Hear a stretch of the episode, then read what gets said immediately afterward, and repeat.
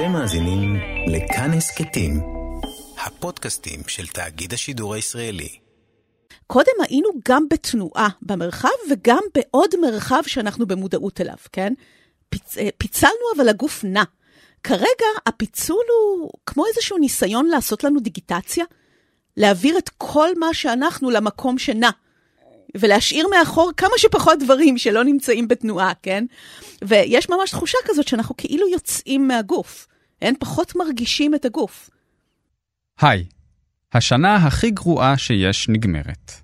אבל ההשלכות הפילוסופיות שלה יישארו איתנו עוד הרבה זמן. הפעם בגבוהה גבוהה מסכמים פילוסופית את 2020, השנה שניתקה את הגוף מהנפש. מתחילים.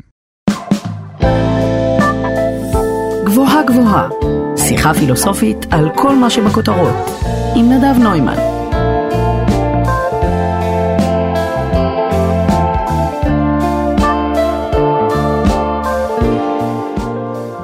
זהו זה, היא נגמרת. שנת 2020, שלא נעים לי להגיד ברדיו מה אני חושב עליה, מסתיימת. זו הייתה שנה מוזרה מאוד, ששינתה את האופן שבו אנחנו חווים את העולם ואת עצמנו. היא גרמה לנו לחשוב מחדש על איך החברה בנויה, על איך אנחנו תופסים את המציאות, על מה באמת קיים וחשוב, והיא הכריחה אותנו לחשוב על כללי המוסר שעל פיהם אנחנו חיים. בקיצור, שנת 2020 הכניסה הרבה פילוסופיה לחיינו, ועכשיו הגיע הזמן לסכם.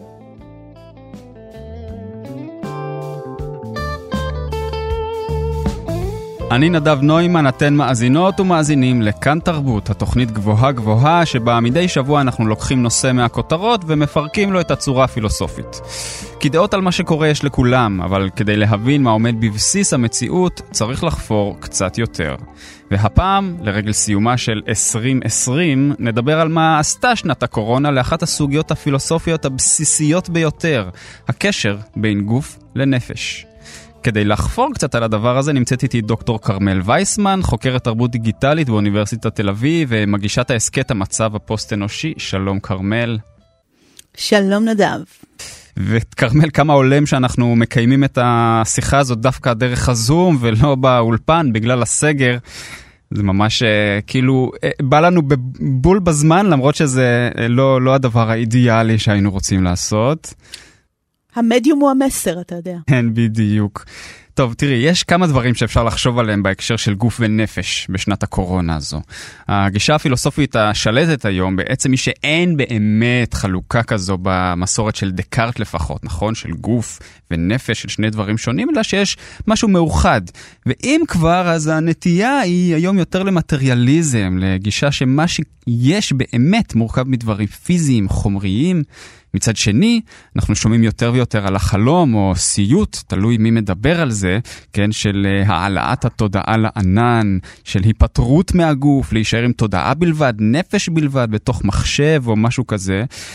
ומשהו מרכזי שקרה ב-2020 הוא שהגוף והנפש ממש כמעט נפרדו זה מזו. הגוף יושב מול המחשב, מול הזום, כמו שאת ואני עכשיו עושים, שעות וימים שלמים, חודשים שלמים, והנפש או ה mind משוטטת לה במרחבים האינסופיים. אז מה, לא צריך את הגוף יותר? כאילו, נפטרנו מזה סופית? מותרת הנפש מן הגוף? אז נכון, באמת אה, דקארט והפילוסופיה המכניסטית, אה, בהתאמה לתפיסות דתיות שהיו פעם, כן, ראו את זה כאיזשהו סוג של פיצול. גוף נשמה או גוף נפש, והמדע המודרני דחה את התפיסה הדואליסטית הזאת לטובת תפיסה שהכל גוף והכל חומר, גם הנפש היא בעצם חומר. Mm-hmm. כלומר, מי שמאמין שכן יש נפש, רואה את זה כאיזשהו עיקרון מארגן של החומר, זה גם בגוף, זה לא משהו שניתן להפריד ממנו או שונה ממנו, זה חלק מהביולוגיה שלו. ואז מגיעה המהפכה הדיגיטלית. שבנתה טכנולוגיה כמו האינטרנט, והחוויה שלנו בפועל מרגישה פתאום יותר מפוצלת בסגנון של דקארט. השיח, הרעיונות, הדימויים, התנועה במהירות המחשבה, הגוף לא זז בכלל. אנחנו חשים את הגוף שלנו באינטראקציה עם מכונות, בין אם זה התחושה שאנחנו ברשת או בקונסולת משחק שמגיבה לתנועה שלנו, או דמות שאנחנו שולטים בתנועות שלה, ואפילו הטלפון הנייד שמרגיש כמו איזשהו איבר תותב שלנו, שאם שכחנו אותו בבית, אז יש תחושת uh, פנטום כזאת שהוא לא איתנו. וזה מראה לנו שגבולות האני לא חופפים בהכרח לגבולות הגוף. יש תחושה שהמכונות הן חלק מהמערכת שלנו, כשהן נמצאות באינטראקציה איתנו ומהוות uh, חלק מהתפקוד שלנו. אז uh, גרגורי בייטסון, שהוא קיברנטיקאי, היה שואל את התלמידים שלו בשנות ה-60, האם מקל ההליכה הוא חלק מהעיוור? והיום אפשר לשאול, האם המשקפיים הם חלק מהאדם? Mm. זאת שאלה פילוסופית שאפשר לדון בה, כן? כי... האם הטלפון גם, ש... האם הטלפון הוא חלק מהאדם, כמובן. בדיוק. כי ההנחה היא שמה שאתה תלוי בו תפקודית, ואתה כל הזמן נמצא בלולאות משוב והיזון חוזר איתו, כן? פשוט הופך לחלק ממך. הקיום מבוסס על האינטראקציה המשותפת שלכם. ותחשוב על אנשים עם מוגבלויות תנועה בעצם, שנגיד בסביבת מציאות מדומה, הם מפעילים דמות עם גוף תקין, אפילו פנטסטי, דמות שיכולה לעוף, לרקוד, ומבלים כמה שעות ביום בסביבה חברתית כזאת, אז הם חווים בגוף את העונג בבילוי כזה, הם חווים את עצמם ביציאה מסוימת מהגוף והתגלמות בגוף אחר. יש על זה מחקרים מאוד מעניינים ש, שבה מרואיינים מדברים בצורה שממש מאתגרת את התפיסה הזאת, שהאני מוכל בגבולות הגוף הביולוגי. ואנחנו לא יודעים בעצם מהי הביצה ומהי התרנג... התרנגולת, האם דקארט והדת צדקו, או שהטכנולוגיה הזאת פשוט בנויה על ההנחה הזאת, ולכן היא דוחפת אותנו בכוח וכנגד הטבע במרכאות, להתנהל באיזשהו פיצול, פיצול שהוא לא אפשרי. ומה כן? קרה בשנה הזאת ספציפית? האם בעצם ראינו אה, התפתחות טבעית של המגמה הזאת, או, ש... או שראינו משהו חדש שקורה? אז קודם כל בוא נהיה כנים, זה אתגר שעמד בפנינו עוד הרבה לפני הקורונה. חוויית המציאות שלנו עוד לפני הקורונה הפכה יותר ויותר מרובדת. הלכנו במרחב עם מכשירים ביד, שייצגו מרחב אחר, והיינו כל הזמן בשני רבדי מודעות או בשני מקומות בו זמנית במובן מסוים. אפילו, אתה זוכר שהיו כל מיני פרסומות כאלה ברדיו שאמרו לנו שכשאנחנו מסמסים, כשאנחנו נוהגים ברכב, אז אנחנו לא ברכב, נכון? כי אנחנו איפה שתשומת הלב שלנו, ויש שם ממש תנועה של המודעות שמעמעמת את החושים, כאילו נוטשת אותם ויוצאת במרכאות או שלא במרכאות למקום אחר בחוויה שלנו. אבל אז פתאום, בקורונה, הגוף נעצר. הוכנסנו לבתים, התיישבנו מול מסך כדי להגן על הביולוגיה הפגיעה שלנו, ודרך המסך הזה פתאום אנחנו נמתחים לכל רחבי העולם. המחשבה, הנפש חופשית, מטיילת, בולעת, גירויים, הכל אונליין, משתתפת באירועים גלובליים שבעבר לא היו נגישים לנו, אבל הגוף מאובן. אז זה עדיין פיצול, אבל זה זן אחר של פיצול. הוא זן מוקצן של פיצול, כן? זה פיצול גוף נפש שונה מהשני מקומות בו זמנית שהיה לנו לפני כן, כשגם נענו במרחב. מה, יש, מה, מה בעצם שונה, אם את יכולה לדייק את זה? קודם היינו גם בתנועה במרחב וגם בעוד מרחב שאנחנו במודעות אליו, כן? פיצ... אה, פיצלנו אבל הגוף נע. כרגע הפיצול הוא כמו איזשהו ניסיון לעשות לנו דיגיטציה, להעביר את כל מה שאנחנו למקום שנע. ולהשאיר מאחור כמה שפחות דברים שלא נמצאים בתנועה, כן? ויש ממש תחושה כזאת שאנחנו כאילו יוצאים מהגוף. אין פחות מרגישים את הגוף. כן, באמת, אה, אה, את יודעת, אני, אני חושב על הפנומנולוגיה, על פנומנולוגים כמו מוריס מרלו פונטי, שתמיד מדגישים את החשיבות הזאת שבחוויה החושנית, הגופנית, של לפגוש את העולם באופן בלתי אמצעי, להרגיש את הגוף במרחב, להרגיש את העולם דרך החושים, שאם אתה לא חווה ככה את העולם, אז אתה מאבד משהו מאוד מאוד מרכזי בהוויה שלך, בחוויה הסובייקטיבית את, אה, את, את העולם.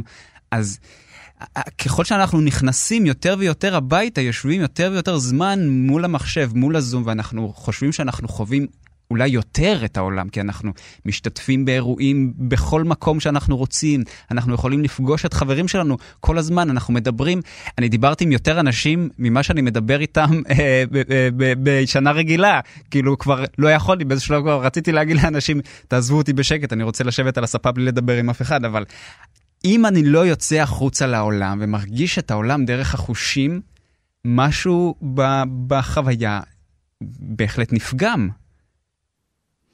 תראה, באופן, אה, באופן טבעי, אני חושבת, יש פער בתוכנו, יש פער מובנה בין מהירות המחשבה לזמן שהגוף צריך כדי לעכל תהליכים. ואם אתה חושב על החיים בעיניים אנתרופולוגיות, החיים זה סדרה של טקסי מעבר. אנחנו צריכים ככה להתחמם, להתרגל לדבר, אה, אה, לחשוב עליו עד שאנחנו יוצאים ממנו, להתנתק מדברים. המעברים שלנו הם הרבה יותר איטיים. והחיים ברשת מציעים חיים בקצב המחשבה, מזום לזום, גב אל גב. ואני חושבת שזה מרגיש שטחי, רק בגלל שאנחנו לא נותנים לגוף את הזמן והמרחב לעבור את זה, להפנים את זה. והוא עדיין צריך את זה. כי הוא פועל באותה צורה, גם אם החיים הם חיי מסך. אנחנו חווים אותם עדיין דרך הגוף, והחושים שלנו עדיין עובדים, גם אם עובדים טיפה אחרת. אני חושבת שאנחנו קוראים למשהו מציאותי, פשוט כי הוא רב-חושי, הוא מפעיל את כל החושים, כל החושים פועלים בו זמנית, וזה כל כך מהיר וטבעי, שאנחנו בכלל לא מרגישים את זה. לעומת על המסך, שאנחנו מפעילים בעיקר ראייה ושמיעה, ובעיקר את הראייה. כל הדברים האחרים שאנחנו אפילו לא קוראים להם חושים, אבל אנחנו זקוקים להם, אנחנו לא מודעים לזה שהם פועלים. כשאנחנו פוגשים אנשים, אנחנו מריחים אותם בלא מודע. יש לנו איזשהו חוש קינסתטי שמתמקם מולם במרחב, מחקה אותם באיזושהי צורה של איך להתנהל פה, אה, חווה כל הזמן מה הם מרגישים, מפרש אותם באיזושהי צורה, ופתאום כל הדברים הללו מתרגמים לראייה.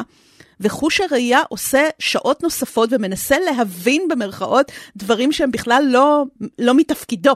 באיזשהו mm. מקום. ואני חושבת שבסופו של דבר זה מה שמייצר את התופעה שאנחנו קוראים לה עייפות זום, mm-hmm. כן? גם בעצם זה שאנחנו מסתמכים רק על uh, ראייה ושמיעה, uh, uh, כמובן שמשהו בחוויה הכוללת נפגע מכיוון שהתודעה שה, שלנו בסופו של דבר יוצרת או, או, או, או ממשמעת את המציאות על פי כל, כל החושים שלנו. זה עושה אולי משהו גם לאפיסטמולוגיה, לא, לא, לאופן שבו אנחנו יודעים דברים? יכול להיות ש, שזה שהתרגלנו רק לשבת מול המסך ולראות ולשמוע, יכול להיות שהידיעת שה, האמת שלנו נפגמת, משהו, משהו קורה שם? זאת שאלה מעניינת, כי אני חושבת שאפילו הראייה במסך היא לא אותה ראייה של מרחב פיזי. זאת אומרת, אנחנו יודעים מקריאה וממחקרים על קריאה, שיש הבדל בין ראייה של אות על מסך לבין ראייה שלה על הנייר. העין אה, נחה אחרת, או, או לעומת איזשהו מאמץ, אבל יכול להיות שיש שם יותר מזה. Uh, ברשותך, אני, אני אתייחס לספר מדע בדיוני דווקא. נהדר. לשמש העירומה של אה, אסימוב, שנכתב בשנות ה-70. יש שם, בעצם העלילה מתייחס, אה, מתרחשת בכוכב, שבו אנשים כבר מאות שנים לא נפגשים פיזית, הם מתראים אך ורק דרך מסכים והולוגרמות. ולכוכב הזה מגיע בלש מכדור הארץ שצריך לחקור רצח ורוצה לדבר עם אשתו של הקורבן, והוא מופיע בסלון שלה בהולוגרמה כזאת. והיא בדיוק יוצאת מהמקלחת, והוא מתנצל שהוא תופס אותה בזמן כזה, והיא אומרת, אה, זה בסדר, זה לא שאתה רואה אותי, אתה רק צופה בי. והוא מאוד מסתקרן מההבחנה הזאת, והוא שואל אותה, מה, מה זאת אומרת, אני רואה אותך במו עיניי כרגע. אז היא מסבירה לו, לא, לא, חביבי, אם היית רואה אותי, זה אומר בעצם שאתה קרוב אליי, אתה יכול להריח אותי, אתה תאורטית יכול לגעת בי, זה, זה עולם אחר. כרגע בפועל אתה צופה בדימוי שלי, אתה, הגוף שלך נמצא במרחק אלפיים מייל ממני, אז כן, אתה צופה בדימוי שלי ולא אכפת לי שאתה רואה אותי כשיצאתי מהמקלחת. נראה לך שהייתי נותנת לך לראות אותי? לא, אתה צופה בי. ההבחנה הזאת נורא מעניינת, כי אנחנו לא עשינו אותה. אנחנו לא עושים אותה ברשת. דין ראייה, כן, דין צפייה כדין ראייה מבחינתנו. אפילו אה, לפני כמה שנים הייתה אה, פריצה לענן של אפל, אם אתה זוכר, ואיזשהו האקר הוריד אה, תמונות עירום של הרבה מאוד מפורסמים. בהם ג'ניפר לורנס, וג'ניפר לורנס התראיינה במדיה ואמרה שכל אדם שצפה בתמונה שלה, מבחינתה הטריד אותה מינית. כלומר, דין ר... צפייה כדין ראייה, כאילו הצצת לה. הדימוי של הגוף הוא הגוף. מה זה משהו שאנחנו לא עשינו את ההבחנה הזאת. ואני חושבת שהזמן הזה שבו אנחנו בזום ואנחנו בבית ואנחנו בחיי מסך ואנחנו צופים בעולם ולא רואים אותו, מחדד את זה שכן יש איזשהו הבדל בצפייה הזאת. היא לא בדיוק ראייה. כי אולי כשאנחנו רואים מישהו במרחב פיזי, כשאנחנו באמת uh, הראייה פועלת בסינכרון עם שאר החושים, והראייה היא גם להריח ולהתמקם מולו במרחב, והאפשרות התיאורטית לגעת, וכל הדברים הללו, הראייה הזאת היא באמת מאוד מאוד שונה מלשבת מול מסך ולצפות. לצפות באדם שאני צריכה להזכיר לעצמי שהוא אדם, והוא לא תוכן, הוא לא עוד לשונית, הוא לא עוד משהו, הוא, הוא נראה בדיוק, הוא מרגיש בדיוק כאילו שאני צופה בסרט, ומהי רמת המחויבות שלי אליו? מהי רמת האחריות שלי עליו? זה, אמ, זה משהו, שזה משהו שאנחנו מנואל... שומעים הרבה, מ, אה, בדיוק בהקשר של הזום, אנשים אה, עולים עם פיג'מה, או אנשים אה, עולים לראיונות עבודה, נראים לא טוב, טוב. יש, הדיבור הזה הוא כל כך התחיל לנכוח לאחרונה, על, על, וזה נוגע באמת בהבדל הזה. טוב, אני בעצמי עם פיג'מה כרגע, אם אפשר להתוודות. למזלנו אנחנו בתוכנית רדיו. כן, אבל זה באמת, אה, כשאני חווה אדם בכל החושים, זה מייצר בי באמת גם אחריות אחרת אליו, גם באמת, כמו שאתה אומר, אפיסטמולוגיה אחרת, יש פה אמת אחרת של מה זה ובאיזה סיטואציה אני נמצאת. והפילוסוף עמנואל לוינס אפילו חשב שזה מה שמייצר את האחריות לאחר, הפנים של אדם אחר, הנשמה שנשקפת בעיניו, כן? זה מה שמעורר אותי פתאום לאיזושהי פעולה אתית. וצפייה בדימוי של אדם לא מפעילה אותי באותה צורה, גם אם אני מזכירה לעצמי יש שם אדם, יש שם אדם, זה אדם אמיתי הדבר הזה, כן? זה לא מפעיל אצלי את האכפתיות באותה צורה. יש, אה, יש למדיה יכולת לנגן על, ה, על האכפתיות שלנו בצורה שונה. בצפייה בעדות מרחוק, בלגרום לנו לאהוב דמות בסדרה. היא מעוררת אכפתיות ורגש, אבל בצורה חד-צדדית, בצורה פארה-חברתית ולא לא חברתית. זאת לא בהכרח אחריות אישית והבנה שיש כאן אדם אחר מולי שזקוק לעזרה. בייחוד אם לא הכרתי אותו קודם, כן? אני חושבת שזה מסביר המון דברים שגם ראינו ברשת טרום הקורונה. נושאים של בריונות רשת, ואנשים שבמצוקה מול המסך, ואנשים אחרים צוחקים עליהם ואומרים להם, יאללה, תגמור להתאבד כי יש לי בית ספר.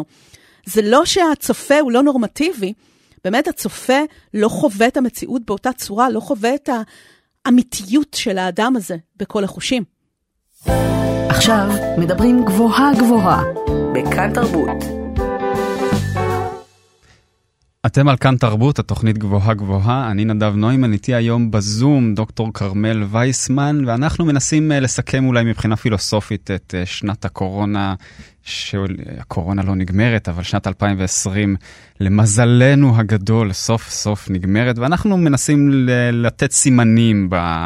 ב- ב- בהשלכות הפילוסופיות של השנה הזאת, בעיקר ביחס בין הגוף לנפש, אבל הדבר הזה מתרחב לעוד כמה דברים. והייתי רוצה אולי עכשיו שניגע במושג הזמן, שגם הוא קרה לו משהו בשנה הזו, התפיסה השתנתה. אני חושב למשל על ההבדל, כרמל, בין הזמן האובייקטיבי למשך. הסובייקטיבי, נכון? הפילוסוף אה, הצרפתי אנרי ברקסון אה, מדבר על זה, אבל זה משהו שאנחנו מרגישים אותו תמיד, ההבדל הזה בין הזמן, כמו שהוא עובר, הזמן המדעי, הזמן האובייקטיבי, לבין המשך שאנחנו חווים את המציאות.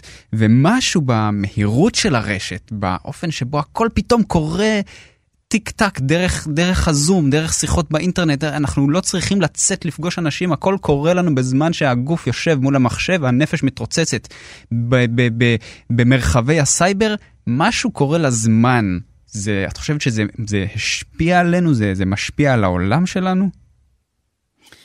הרשת מתנהלת בזמן אמת, נכון? זה תמיד עכשיו. גם אם אנחנו לא מדברים על זום, אנחנו מדברים אפילו על להיות בפייסבוק. הפיד הוא עכשיו, עכשיו, עכשיו.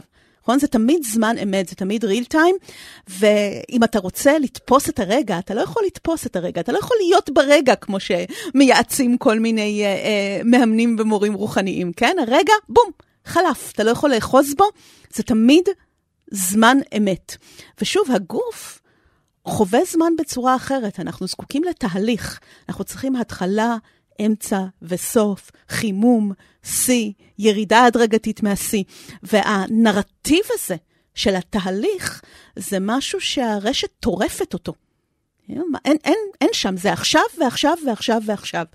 ואני חושבת שזה מה שיוצר את התחושה של uh, שטחיות של החוויה. זה לא שהיא באמת שטחית, אלא שאין לי את הזמן לפתח נרטיב. אני חיה בתוך database, שבו זה תמיד עכשיו, כן? מעניין, אז הצורה הזאת שבה האינטרנט בכל מקרה מתנהל, השנה הזאת זה יתגבר. מה יקרה כשאנחנו נצא מזה? אה, כאילו, אני, אני מרגיש שאנחנו נצא מהקורונה, נגיע 2021, 2022, החיים אולי יחזרו למסלולם, נתנהל בחיים, והזמן יחזור להיות משהו אולי טיפה שונה פתאום. אנחנו נצטרך להתרגל למשהו אחר. תראה, אנחנו חיינו מרובד גם לפני זה, וסביר להניח שבאמת מתישהו נחזור להיפגש, אבל אולי זה גם יהיה on and off. יהיו עוד מגפות, זיהומים, שינויי אקלים. הדבר הכי ודאי לשנים הקרובות, אני חושבת שזה צריך לדעת לחיות עם חוסר ודאות תמידי. כלומר, ואולי אולי... זה אולי, תמיד אולי, היה ככה. אולי התאמנו, אולי השנה הזאת הייתה אימון ב... להתרגל לחיים מרובדים שכאלה. אבל תראה, המציאות המרובדת טכנולוגית לדעתי כן תיראה קצת אחרת כשהיא תחזור. הרי הזום וכל הדברים האלה לא ייעלמו מחיינו, כי חלקם היו שם קודם, וחלק, כשראינו שזה אפשרי עכשיו, ויש דברים שהם יותר יעילים, הם יישארו. חלק מהאנשים יעבדו יותר מהבית, אה, חלק מהשירותים שניתנו אונליין ולפני זה אי אפשר היה, לא ייפסקו כי פתאום ראינו שאפשר וזה מייעל. אולי אפילו שיעורים מסוימים באוניברסיטה שיפה להם ה- להישאר מקוונים יישארו כאלה ואחרים לא. נראה לי שאנחנו נעשה חלוקה מחדש של מה נכון לו להיות בכל מרחב, ואיזה דברים, כן, יהיו איפה. ובהתחלה יכול להיות שיהיה איזה backlash קיצוני כזה של בחוץ, בחוץ, בואו ניפגש כי לא נפגשנו, אבל הטכנולוגיה הייתה איתנו עוד קודם, ומשהו ממנה יישאר, פשוט תהיה חלוקה אחרת של, ה, של המרחבים ושל הריבוד, לתחושתי. ואת חושבת שהדיכוטומיה שה, הזאת בין בחוץ ובפנים, Uh, whatever that means, כן, האם האינטרנט הוא הבפנים או הבחוץ, והמרחב הפיזי הוא הבפנים והבחוץ, גם על זה אפשר, אפשר להתווכח, ובאמת זה אולי מעלה שאלה על האם השנה הזאת והתקופת הקורונה שינתה משהו באופן שבו אנחנו מבינים מה זה הדבר האמיתי, מהי המציאות האמיתית, האם היא בפנים או בחוץ, האם, האם, האם בעצם הדיכוטומיה הזאת של בפנים ובחוץ, רשת ומרחב פיזי, שינתה את, ה, את האופן שבו אנחנו תופסים את, ה, את, הדו, את המציאות, את השאלה מהו הדבר המציאותי. זה מעניין כי המציאותי הוא לא דבר אובייקטיבי שאנחנו יכולים לומר עליו זו מציאות וזה דמיון או, או חלקי או חצי מציאות. אנחנו שופטים מציאות לפי קנה המידה של עצמנו. והרבה פעמים אנשים אומרים זה אמיתי לי, זה אותנטי, זה מציאותי לי, כי זה הפעיל להם את כל החושים או כי הם רואים פעולה בעולם, יש הוכחת agency, מה שנקרא, יש פה agent שפעל בעולם, ואז אנחנו אומרים, אה, ah, זה אמיתי, כי אנחנו רואים את השינוי או חווים את השינוי בחושים. ולכן אנחנו כן קוראים מציאותיים לדבר שאנחנו רואים בו, בחושים, חווים בחושים את התנועה שלו, את השינוי שלו, וחווים אותו בכל החושים. והממד וה, הווירטואלי, בגלל שהוא נחווה חלקית רק בחלק מהחושים, והחוויה השטחית יותר שדיברנו עליה, אז אני חושבת שהוא מרגיש לנו פחות אמיתי, אבל זה לא שהוא לא אמיתי. הוא פחות אמיתי במובן שהוא מפעיל אותנו חלקית, והפעילות שלו בעולם היא, היא מצב ביניים, היא בין לבין. זה לא בדיוק 100% חומר, אבל בהחלט זה לא דמיון, ו- ואנחנו חווים שם אותו דבר ורואים אותו דבר. אני חושבת שהמרחב שה- הדיגיטלי מייצר מקום חדש שלא היה לנו קודם. בין רוח לחומר, מקום ביניים, ומקום לימינלי אפילו, כן? המקום של בין לבין, בין השמשות. ובבין לבין כזה יש כוח גם לייצר מצבים חדשים. ואנחנו רואים שאנחנו בעצם חיים במצב חדש, שבו יש משהו שאולי לא נכווה בכל החושים, יכול לפתות אותנו להרגיש פחות אמיתי, אבל יש לו השפעה על החיים שלנו, כן? קורים בו דברים, קורים לנו דברים, ולכן זה כן ממשי במובן מסוים. אני חושבת שזה מאתגר בכלל את עצם השאלה, לפי מה אנחנו קובעים מה אמיתי לנו. מהי, כן, מהו, מהו ממשי, מהו, מהי אמת ומה זו מציאות. ואני רוצה להתחבר למה שאת הזכרת, את המצב הלימינלי הזה, את הבין לבין, שזה לא שזה הרשת היא מקום לא אמיתי, או כן אמיתי, זה איזה משהו, זה יצור כלאיים, וזה קצת מזכיר אולי אה, מצבים תודעתיים שונים, שדרך אגב, האנושות בטח עשרות אלפי שנים לפחות, אנשים נכנסים למצבים לימינליים כאלה. כלומר, הרשת היא איזשהו גילום אולי קצת שונה, אולי חדש, אבל של מצבים נפשיים, תודעתיים, שהם לא בדיוק כאן, וזה לא שהם לא קיימים, הם מין מצב לימינלי שאנשים נכנסים אליהם, למשל ב, באמצעות טקסים דתיים, למשל באמצעות חומרים משני תודעה. אה, הרשת ואיך שאנחנו נכנסים יותר ויותר לתוך הרשת, בטח ככה שנת 2020 הראתה לנו, אולי זה איזו קריאה לחזור למשהו שהאנושות מכירה, מקדמת דנה כמעט אפשר לומר. אז הנה ההבדל, אם כבר דיברנו על זמן. כי יש לנו באמת הרבה מאוד מרחבים לימינליים בחיים, אבל הם זמניים. Mm. וזה חשוב שהם זמניים, כי אתה עובר טקס מעבר כלשהו, אתה נמצא באמצע, במקום הלימינלי, שבו אתה כבר לא בקטגוריה הקודמת, בוא נגיד, זה טקס מעבר לבגרות, כן? אתה כבר לא ילד, אתה עוד לא גבר, אתה נמצא באמצע, בתוך התהליך, במקום הזה יש בו המון אפשרויות חדשות לקומבינציות חדשות, ואתה יוצא לתוך קטגוריה מוכרת. זה חשוב שזה זמני. בני אדם לא יכולים להישאר במקום לימינלי כל הזמן. זה קשה. לחיות בין השמשות, בין הקטגוריות, מה אני לא זה ולא זה, גם זה וגם זה, איפה זה? זה מאוד מבלבל. ואנחנו רואים שכל המצב הזה שנקרא פוסט-מודרניזם יצר בלבול מאוד גדול, שגם יוצר backlash שמרני, שאנשים רוצים לחזור לקטגוריות המוכרות.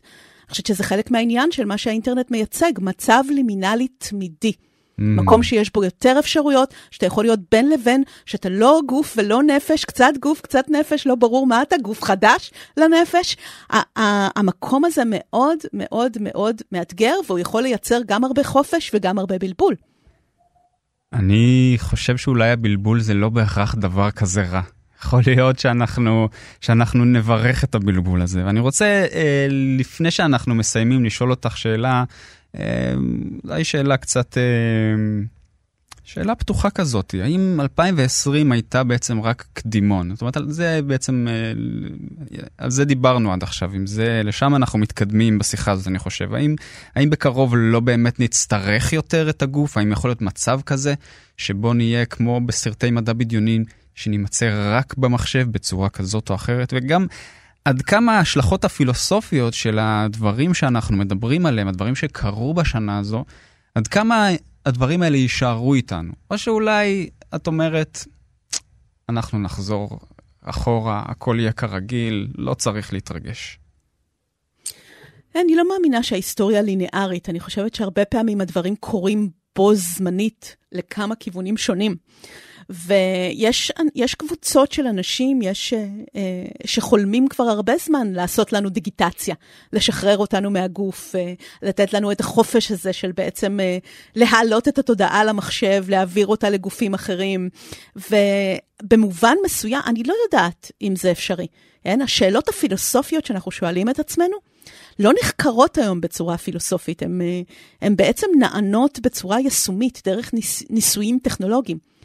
הנה, בדיוק כמו שהתחלנו את השיחה בדקארט, האם אנחנו אה, גוף ונפש או גוף נפש, כן, אנחנו יכולים להמשיך להתווכח על זה עוד מאות שנים, אבל בפועל פתאום מגיעה טכנולוגיה שמייצרת לנו חוויה מסוימת שמתחילה לענות על השאלה. אז אני חושבת שאותו דבר ימשיך להיות עם הפיתוח הטכנולוגי. הפיתוח הטכנולוגי יענה על השאלה מה אנחנו. האם באמת אפשר לקחת ולהפריד את מה שאנחנו מהגוף? האם אנחנו יותר מהביולוגיה שלנו? דרך הניסוי לעשות את זה בכל מיני צורות, באיזשהו מדרון חלקלק, אנחנו נדע אם זה אפשרי או לא אפשרי. אני חושבת שמה שאנחנו חיים עכשיו הוא חלק מהניסוי הזה. כי לפני שעושים לנו את כל הדיגיטציית מדע בדיוני הזאת, מתחיל תהליך שבו אנחנו בעצמנו פשוט נמצאים יותר ברשת, מייצרים המון שיח ברשת, דימויים, זיכרונות, ואז אפשר אולי לקחת את כל הדברים הללו, להנפיש אותם בעזרת איזשהו, אה, טכ... אה, אולי אה, AI או אלגוריתם. ממש כמו במדע אה, בדיוני, כמו במראה שחורה, ואפשר לומר, הנה, אתה לא נמצא כאן, אבל זאת גרסה שלך. אין בה את המודעות שלך, אבל אולי זה מספיק לאנשים אחרים. כן? אז אני חושבת שזה מתחיל בהדרגה מדברים פשוטים, מיישומים נורא נורא פשוטים שהם כאילו, אבל לאט לאט אולי יהיה בהם בשר ואולי לא. השאלה הפילוסופית תענה הלכה למעשה לדעתי. ואנחנו ממשיכים בכיוון הזה. אנחנו כבר בכיוון הזה ואנחנו נמשיך בכיוון הזה מן הסתם, כי יש כוחות שדוחפים לנסות את הדבר הזה. יש היום מדענים שעמלים ללכוד זיכרונות. ויש הנחה שאם אנחנו זה הזיכרונות שלנו, נצליח ללכוד זיכרונות כמידע, אז אולי יש לנו את כל האני. אני בטוחה שהדברים האלה ימשיכו להיות בניסוי בכל מיני צורות, ימשיכו לנסות לסרוק אותנו ולראות האם ייצוגים שלנו הם מספיק אנחנו. כולל הגוף, אגב, נדב. אני חושבת שזה לא רק אה, הפרדה בין גוף לנפש, היום אנחנו מסתכלים גם על DNA כעל מידע. ואולי אפשר לקחת DNA, לעשות לו דיגיטציה, ואז אני באמת לוקחת את כולך, ואין פה הפרדה קרטסיאנית, כן? טוב, וזה באמת שיהיה בהצלחה לכולנו, אני חושב. דוקטור כרמל וייסמן, חוקרת תרבות דיגיטלית באוניברסיטת תל אביב, ויוצרת הפודקאסט המצב הפוסט-אנושי. תודה רבה לך על השיחה הזאת. תודה רבה. אנחנו סיימנו, אני נדב נוימן, את כל הפרקים של גבוהה גבוהה אפשר לשמוע ביישומון ובאתר של כאן או בכל אפליקציה שבה אתם נוהגים להאזין להסכתים. אני מזמין אתכם גם להצטרף לקבוצת הטלגרם של התוכנית לעדכוני פילוסופיה והרחבות על הנושאים שעליהם אנחנו מדברים, פשוט חפשו גבוהה גבוהה בטלגרם. ואם אתן רוצות להרחיב עוד בנושאים שעליהם דיברנו היום, אפשר לקרוא בהחלט את הדברים הבאים. How We Became Post-Human, Virtual Bodies in Cybernetics, Literature and Informatics מאת ננסי קטרין היילס. חלק מהספר הזה גם תורגם לעברית בתוך הקובץ תרבות דיגיטלית, וירטואליות, חברה ומדע, שיצא בהוצאת הקיבוץ המאוחד. כדאי לעיין גם ב"העידן הפוסט-אנושי" בין פנטזיה לחיי נצח לבהלה קיומית בעריכת יוחאי עטריה ועמיחי שלו, זה יצא בהוצאת פרדץ. אני ממליץ מאוד גם על טכנומיסטיקה מאת עידו הרטוגזון, זה יצא בהוצאת מדף, וכמובן כדאי להאזין להסכת של כרמל וייסמן, חפשו המצב הפוסט-אנושי ביישומונים השונים. אני מקווה שנהניתם, תודה ולהתראות.